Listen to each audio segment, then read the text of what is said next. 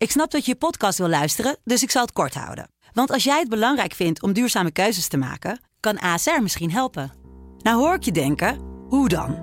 Nou, bijvoorbeeld bij het duurzaam herstellen van schade. Of de premies die we beleggen volgens ons duurzaam beleggingsbeleid. Dat bepaalt waar we wel en juist niet in investeren. Wil je meer weten over welke duurzame keuzes ASR maakt? Ga dan naar asr.nl slash duurzame keuzes. ASR doet het. Zo, dan kan je nu lekker naar je podcast luisteren. Coronajaar 2020 lag overhoop. Wordt 2021 het jaar van hoop? En van licht aan het einde van de tunnel? Die vraag staat centraal in deze podcast van De Telegraaf. Dit keer met... Ajit Bakas. 1 januari 2021. Mijn naam is Kamran Oela en in deze podcast blikken we dagelijks vooruit met een gast op het nieuwe jaar.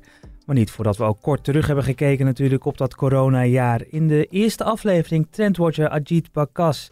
Uh, Ajit, uh, ik heb je aan de lijn, we kennen elkaar, dus ik zeg uh, gewoon je en jij tegen je. Gelukkig nieuwjaar! Jij ook, jij ook, jongen. Het is volgens de Chinese horoscoop het jaar van de os. En ik weet niet of jij de os kent, maar mijn, mijn oma had een boerderij en die had altijd een os, ossen om het land te ploegen. Ja. Maar dat zijn sterke beesten, die worden nooit ziek, die hebben geen kuren, ze zijn wel een beetje koppig.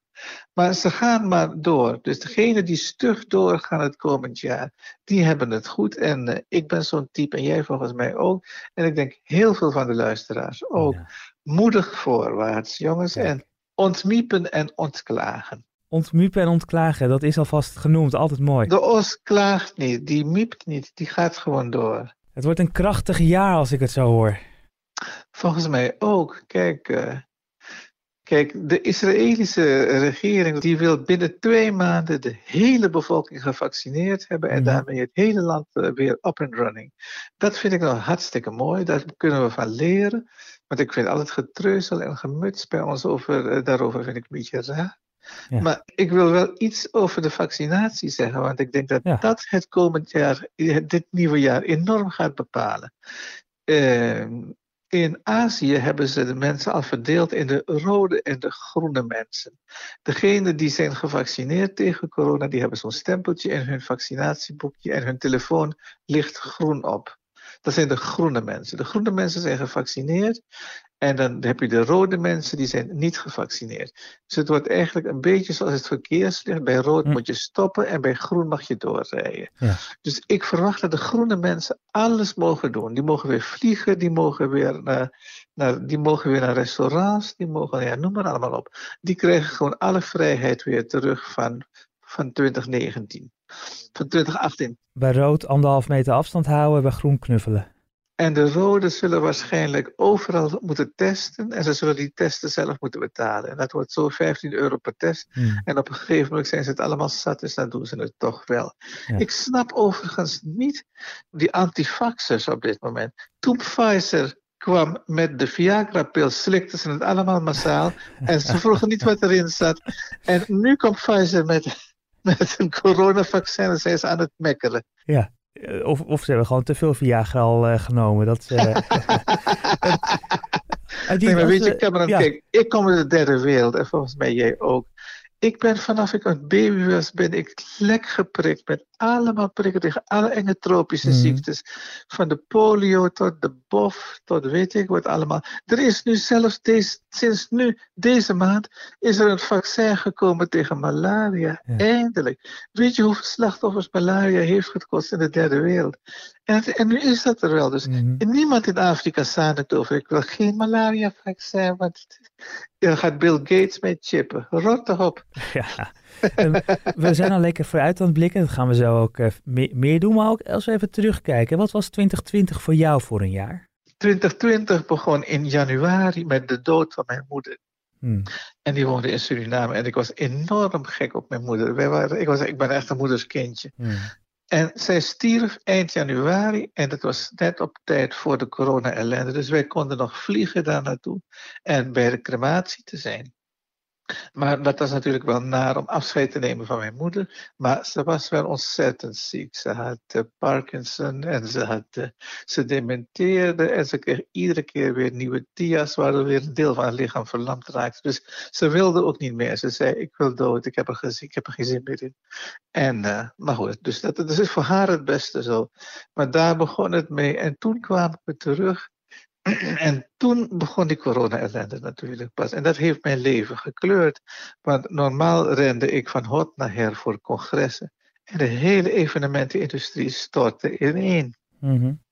Nu ontwikkelde zich overigens al snel genoeg wel een uh, digitaal alternatief. Dus die webinars. En die doe ik dus nu ook. Uh, en, maar, uh, en ik heb nu een een jongen die vroeger bij Facebook in Silicon Valley heeft gewerkt en die maakt mijn digitale lezingen, uh, lukt die op met special effects. Dus als ik bijvoorbeeld praat over het elektrisch vliegtuig, dan vliegt hij uit mijn neusgat. En als ik praat over de opvolger van het, van het coronavirus, dan vliegt hij uit mijn oor. Zo hebben we dat soort dingen.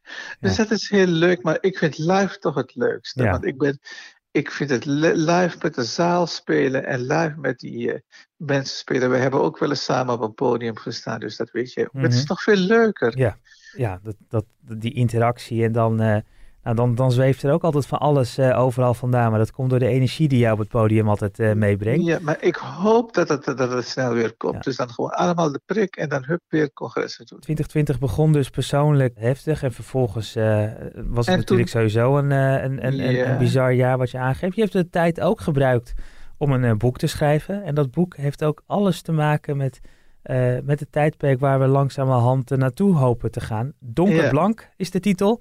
Yeah. met een kwinkslag, maar heel mooi bedacht. En een visie op het post-corona tijdperk. Wat, wat voor tijdperk komt eraan?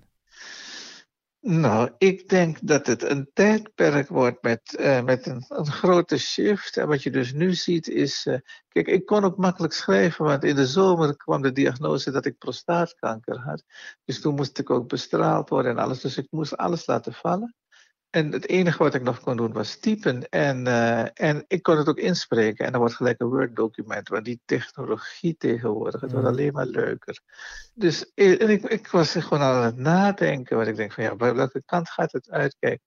Gedurende 3000 jaar tot 1400 was uh, het economische zwaartepunt van de wereld in Azië. China en India, en Pakistan was toen nog deel van India. China en India deden met z'n tweeën 70% van het BBP van de wereld. En de rest was daaromheen. Dus die 30% wat overbleef was voor Europa, Amerika enzovoort. En in 1400 veranderde dat en uh, verschoof de macht naar Europa en naar Amerika, dus het Westen. En die periode van 500 jaar westerse dominantie, die komt nu ten einde. Hmm. En de balans gaat weer terug naar Azië. En dat gaan we echt merken de komende jaren. Dat gaan we echt merken de komende tijd. De macht verschuift naar Azië. De Chinezen komen nu al met, die planten nu al chips in de hoofden van hun militairen om ze beter te maken dan ons. Ze zijn echt met allerlei dingen bezig. Het is ongelooflijk. Die, uh, als je ziet al hoe. Uh, hoe dat nu gaat met betalingen in China. Je kunt al niet meer betalen met de pinpas en de creditcard. Het gaat allemaal met je ogen, met de irissen van je ogen. Dus je wordt herkend en het wordt uh, met WeChat Pay en Alipay. Dus je hebt, je hebt bijvoorbeeld een, broek gekocht in de winkel en je kijkt in die camera en het bedrag wordt onmiddellijk afgeschreven van je bankrekening. Het is ongelooflijk wat daar nu gebeurt. Mm. En ik vind het heel mooi, want bijvoorbeeld China was in 1970 nog armer dan Somalië. En kijk waar ze nu staan. Ik vind het echt heel erg mooi. Dus, maar met een, uh, een, een, uh, een, een, nieuw machtsevenwicht moeten we leren leven. Het adviesbureau uh, PricewaterhouseCoopers heeft een lijstje gemaakt van de top drie economieën in de wereld in 2050. En dan staat op één China, op twee India en op drie Amerika. Amerika blijft in de top drie, maar niet op één. Nou ja, en dat gaan we dus op alle manieren merken. We gaan meer zaken doen met China en we gaan meer. Uh, nu al kopen we er natuurlijk al. En vergis je ook niet. Uh, uit deze crisis zal, zullen ook heel veel briljante start-ups voorkomen. Mhm. Vergis je niet, Alibaba is in de crisis, de bankencrisis van 2008 opgericht. Uh, Google en, uh, en, uh, en, en, Amazon en, en, en Microsoft en Apple zijn opgericht in de crisis van de jaren 80. Het Chinese woord voor crisis bestaat uit twee karakters: kans en bedreiging.